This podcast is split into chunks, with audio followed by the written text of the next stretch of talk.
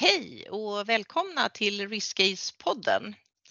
I den här podden så vill vi lyssna, lyfta fram nyttan med att ägna tid åt riskhantering och hur riskhantering, förutom att det ju är nödvändigt, också ska vara enkelt och roligt. Och lite det ska vi kanske foka på idag, vem vet? Eh, podden riktar sig till alla som kommer i kontakt med riskhantering, så det är ju oavsett bransch, eftersom riskhantering i sig är ett eh, specialistområde eller ett särskilt fack. Så att det har ju olika, eller många likheter oavsett vilken bransch du jobbar inom. Jag heter Kristina Eriksson. Jag älskar att jobba med riskhantering och brinner för att utveckla olika verksamheter så att de ska bli mer riskdrivna. Jag är även en av grundarna till Riskcase som har den här podden. I det här avsnittet så sitter jag här med en gäst och vi ska diskutera riskhantering i projekt. Eh, vår gäst heter Elinor Hodax och hon kommer från konsultbolaget Mindstreet. Elinor, du är här för att du i mina ögon är ett riktigt projektledarproffs. Och Eh, vad jag har hört beskrivas så gillar du att hitta praktiska lösningar på knepiga problem. Så stort välkommen till dig! Tack! Kul att få vara här. Härligt! Mm. Så vem är du och vad brinner du för och vad jobbar du med när du inte är gäst i våran podd? Ja, men eh, som du sa så jobbar jag som konsult hos Mindstreet. Eh, där har jag varit de senaste två åren. Eh, för närvarande på ett uppdrag där jag är interimschef. Men jag har också jobbat som projektledare under många år, drivit många stora projekt. Framförallt inom systembyten då, inom bank och finans. Och jag brinner för, alltså jag brinner ju för ledarskap i, den, i de rollerna jag har. Att få grupper att faktiskt prestera utifrån de målen man har satt. Ja, superroligt. Jag, jag tror att vi ska ha många bra diskussioner. Om vi tänker på riskarbete eh, som ju ska vara liksom projektrisker, det är ju ett stort mm. område inom liksom riskhantering. Eh, mm. Varför är det viktigt med riskarbete i ett projekt? Men jag tänker att det är ett sätt att identifiera framtida utmaningar man kan eh, träffa på när man har ett stort projekt. Det handlar ju om att på något sätt hitta de risker och de aktiviteter som skulle kunna eh, liksom göra att man inte når sitt mål på den tiden eller den pengarna som man har sagt eller den kostnaden då som man har, eh, har man satt upp till. Satt upp. Eh, så det är ju så himla viktigt att vara medveten om dem för att vet man om dem innan så vet man ju också hur man ska på något sätt eh, kunna hantera dem när de uppstår. Eh, för många av de liksom identifierade riskerna som man gör i början av ett projekt brukar ju faktiskt falla in på ett eller annat sätt och då är det alltid bra att ha genomfört den här ehm, ja, med riskhanteringen i början och börja fundera på hur man ska lösa de problemen som uppstår. Just det. Så det är ett sätt att egentligen sia lite in i framtiden, är det så som du tänker? Ja, men, det, ja, men lite så och liksom på något sätt göra sig själv förberedd för vad som ska kunna uppstå i ett projekt. Sen uppstår det ju liksom utmaningar och, och, aktiviteter som man kanske inte har kunnat förutse. Men, men, men det är ju alltid mycket lättare om man ändå har tänkt igenom det här innan innan man är där. Eh, för när, när det väl sen sker saker i ett projekt, det går ju aldrig från A till Ö direkt utan det ska ju alltid liksom, det händer ju alltid saker på vägen och då behöver man ju på något sätt, har man hanterat det innan så är man ju förberedd mentalt i alla fall mm. på eh, de här delarna. Ja, låter, låter jätteklokt. Eh, men om man ska titta lite framåt och kanske även lite bakåt, ser du att det har varit någon förflyttning Eh, både vad det gäller eh, projektledarskapet och riskhanteringen där och vad, det, vad finns det för trender? Ja, men jag skulle säga när jag började då var ju nästan alla projekt Vattenfall. Alltså man, man började, man hade liksom olika faser eh, som man gick igenom. Nu är, har man ju mycket mer gått in mot det agila liksom, arbetssättet, vilket innebär att det blir ju mycket på något sätt i ett utvecklingsprojekt lättare att se att man är på rätt väg. Eh, och att faktiskt den slutprodukten som, som ska levereras ut eh, faktiskt också är det man förväntar sig. Eh, det skulle väl jag säga är den stora förändringen som har skett som också blir en utmaning då som projektledare så hade man ju liksom delprojektledare och man hade alltså, tydliga sådana roller. Medan i det agila så är det fler nya roller som kommer in som man måste förhålla sig till som projektledare. Eh, och att det här, det agila är ju mycket att man kanske inte alltid har tidplaner och det ska liksom verkas fram. Och oftast när man jobbar, i alla fall inom bank och finans, så har vi oftast ett datum vi måste förhålla oss till för det är ett regelverk som ska börja gälla eller det är ja, systembyten, avtal som upphör och sådana här saker. Så det är ju liksom eh, Ja, det finns utmaningar, men det är också liksom en, en som jag upplever en positiv trend. Eh, mycket mer än tidigare. Ja, men spännande. Så då är det egentligen det här metod, metodskiftet som vi har eh, jobbat med ganska länge som skulle vara den stora liksom, eh, Ja, det, den delen. Men sen finns det en andra, den andra delen är ju att det går mycket fortare. Det vill säga regelverken förändras ju betydligt snabbare nu än vad de gjorde tidigare. Eh, det innebär ju också att man startar ett projekt så kan ju liksom, det, när man ska gå i live, då kan ju saker ha hänt på vägen. Eh, så, för, alltså, jag upplever i alla fall att tidpunkten från att ett nytt regelverk kommer tills det ska gå i hamn är mycket kortare nu eh, och det är mer komplext skulle jag säga än mm. tidigare. Mm. Det krävs Absolut. andra typer av människor också i projektet nu för tiden. Mm. Absolut. Så på vilket sätt så påverkar det här liksom ditt jobb som projektledare och vad har du för eh, tips till andra som är i samma situation? Men jag skulle säga att det agila har ju gjort det mer transparent. Ehm, det vill säga om man, det beror på också vilken metod man integrerar, men har man eh, de här delarna där man faktiskt gör eh, genomgångar, man har de, demos så ser man ju mycket tydligare var man är på väg och vad leveransen, om leveransen överhuvudtaget kan komma i tid eller inte när man eh, tittar på sprintplaneringar. Eh, så på det sättet så upplever jag att det är mer transparent. Jag skulle också säga att den, den stora delen är ju att man har mycket mer eh, mer regelfolk, regelefterlevnadsmänniskor med, i, eh, med i projekten nu än tidigare. Eh, tidigare så var det liksom man visste var man skulle gå någonstans men nu måste man ju hela tiden stämma av eh, att man faktiskt tolkar de här regelverken. Har de förändrats? Vad är det vi liksom, vad är syftet? Vad, vad ska vi få ut av det vi ska leverera? Eh, så så jag skulle nog säga att det är väl liksom de stora förändringarna som har skett, att man har lite andra roller i, i projekten med andra typer av personer eh, med. Just det.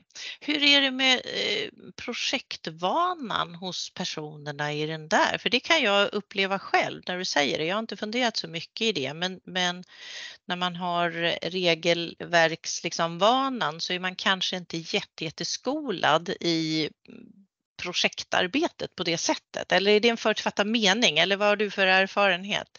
Men, alltså utmaningen eller det som man kan se är väl att, att det handlar om att sätta ner ett skop. Eh, och det är väl också det som är fördelen med det agila, att det, det är sprintar. Det är, man sätter ett skop för en sprint och så lever, ska man leverera. Men, men utmaningen är ju att få en leverans i slutet eh, som är. För det, det, jag skulle säga att utmaningen är väl liksom att få ner skopet och det är alltid lite svårare för regelefterlevnad eh, människor ibland eh, än vad det kanske är för, för andra eh, mer skolade som är med i de här projekten normalt sett. Ja, så vad händer med riskerna? Vad händer med riskerna då? då? Risken är väl, det, utmaningen är ju alltid att gå på tid. om man ja. har en, en fast deadline att förhålla sig till. Och om man då aldrig sätter ner skopet att hela tiden förändra vad man vill eh, få till, eh, då, då blir det ju svårt att få ut något eh, i slutändan.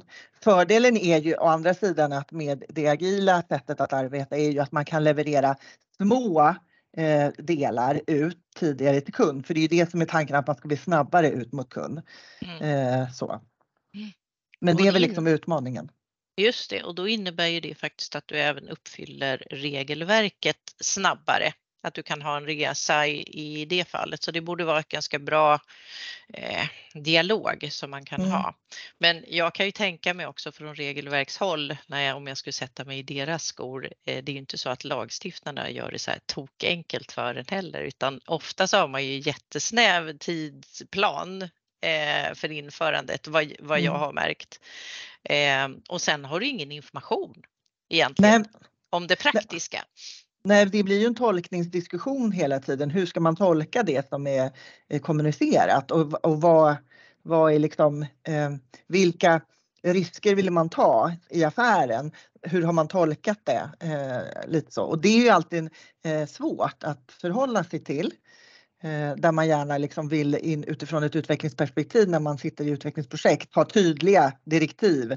Åt vilket håll ska vi gå? Eh, hur ska vi lösa problemet? Eh, så. Så egentligen så får du snarare en ökning av risket för risken för att eh, skopet ändrar sig, med andra ord tidplanen och budgeten påverkas.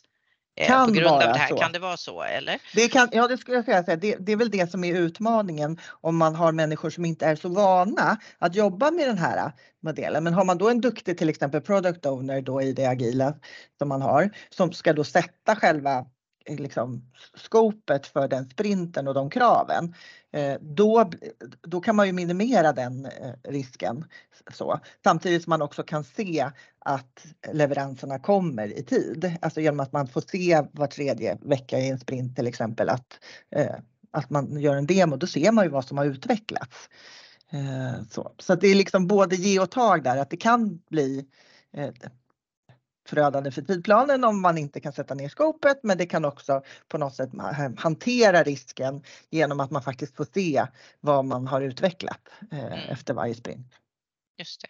Absolut. Och jag menar, det är inte bara regelverk som har tajta deadlines. Det måste ju även leda det här som du tog upp i början, att licenser kanske slutar gälla eller end of life av någonting och sådär. Ja, spännande. Men mm. Eh, när jag pratar med projektledare så tycker de att det är svårt att få in projekt, alltså riskarbetet i det vanliga projektarbetet. Det är lätt någonting som man gör precis i början och sen kanske inför varje styrgruppsmöte, men det blir lite så här vid sidan av. Har mm. du några tips eller hur jobbar du med, med det så att det verkligen blir integrerat? Men alltså jag tror ju att man ska, när man ska jobba med sin projektgrupp, att man på något sätt måste avsätta, man har ju ofta en agenda, man ska gå igenom det status, man försöker liksom se, är vi på tid, är vi på tid, på kostnad tillsammans? Eh, och då, då ser ju jag att det vore ju så mycket lättare istället för att slänga upp den här powerpoint-bilden där man ser vilka risker man har och de olika eh, begreppen och vad, eh, och vad, vad för typ av eh, ja, men mitigation eh, vad det nu heter. Men De riskhanterande Deras, åtgärderna. Ja, precis. men precis. Mm. Eh, så. så alltså, tänker jag ibland att man kanske ska försöka i alla fall vara lite mer avdramatiserad. Man har en lista där man går igenom, ja men hur ser tidplanen ut? Hur ser kostnaderna ut? Ja, men hur ser resurserna ut? Har vi några stora andra risker som vi har identifierat? Så att det liksom egentligen bara blir en, en, en lista som man tittar på, har någonting förändrats? Istället för att börja gå in och titta på, ja men hur har vi satt den här på sannolikheten? Och, alltså Alltså så att man försöker eh, förenkla eh, för projektgruppen så att man själv då som projektledare sen eller tillsammans med någon eh, då som kanske hanterar riskerna beroende på hur stort projekt det är. Eh, sen sätter sig och går och kanske tittar igenom den här lite mer komplicerade riskövningen då som man brukar göra i början av projekten och upprätthålla det. Så att man på något sätt eh, har det som en punkt på agendan att bara gemensamt konstatera, ja men alltså ser det likadant ut? För det är egentligen bara... grupper skulle man göra det, tänker du, när det ska vara på agendan? Ja, men jag tänker beroende på vad man har. Oftast har man ju en projektgrupp som är liksom kanske de som leder projekten beroende på hur stort det är. Eh, då kan man ju tillsammans med de närmsta faktiskt ta sig igenom dem. Det är oftast då att du kanske har delprojektledare eller du har eh, de som är ansvariga för leveranserna i utvecklingsprojekten. Alltså att man på något sätt på det sättet hanterar de här frågeställningarna. Eh, mer på ett, på ett normalt, liksom på ett ja, men vanligt dag. Vi pratar om dem. Eh, så. så att det inte blir så, så ja, men uppstyrt. Liksom, tidigare så hade man ju stora Excel-ark man skulle gå igenom och då liksom folk zoomar ju ut när man ser de här eh, delarna utan det blir så viktigt att man försöker ta ner det till en samtalston eh, tror jag för att då är då alla är medvetna om det. Mm. För mycket handlar ju om att en risk, det är ju egentligen ett utmaning, ett problem som har uppstått eller kommer att kunna uppstå. Mm. Så. Absolut. Ja men det där, jag tror att ner med tröskeln, precis som du Mm. säger, och få in det i vardagen. För då skulle man Mm. också kunna göra det oftare egentligen. Då hinner inte risk sticka iväg och bli jätte, jättestor eller till och med ha blivit någonting som är stoppande eller vad det kan vara, för Mm. då får du ögonen på det. Hur jobbar man med risk i styrgruppen då? Alltså, precis, där är ju utmaningen för den är ju också den här, det är ju den som kommer sist ofta. Ja just det, vi ska gå igenom den här sidan också. Eh, lite så. Men jag, jag tänker ibland att beroende på hur komplexa projekt man har och beroende på vilka styrgruppsledamöter man har så kan det ju också vara eh, på något sätt lätt Alltså man, man, man, man kan ju prata om utmaningar där också. Man behöver, även om man har hela den här liksom, uppstyrda modellen som man tittar på så tänker jag att man också på något sätt kan prata om de här typerna av de största riskerna man har mer på ett, ett, liksom ett vardagligt sätt och rapportera dem. Eh, så att det på något sätt inte blir så dramatiskt. För ibland så känns det som att bara för vi kallar det för en risk så känns det som att allting blir så stort. Det blir så jättejobbigt att hantera i en verksamhet då. Eh, lite så. Istället för att egentligen bara säga det här är precis, det är ju problemlösning eller förutse. Som projektledare måste man ju alltid försöka liksom tänka liksom hela tidplanen. Men liksom, höja blicken och se, kommer vi nå det målet vi har satt upp? Eh, och då ser man ju också oftast, ja men vad är utmaningarna? Ja men det är ju våra risker. Eh, så, som vi också ska identifiera och sen också göra planer för hur vi ska kunna eh, mitigera dem och så. Mm. Mm. Ja, jätte, jätteklokt. Jag hörde ett projekt som jag varit lite imponerad av. Där hade de satt en, en riskgeneral ska jag säga, som inte var projektledaren.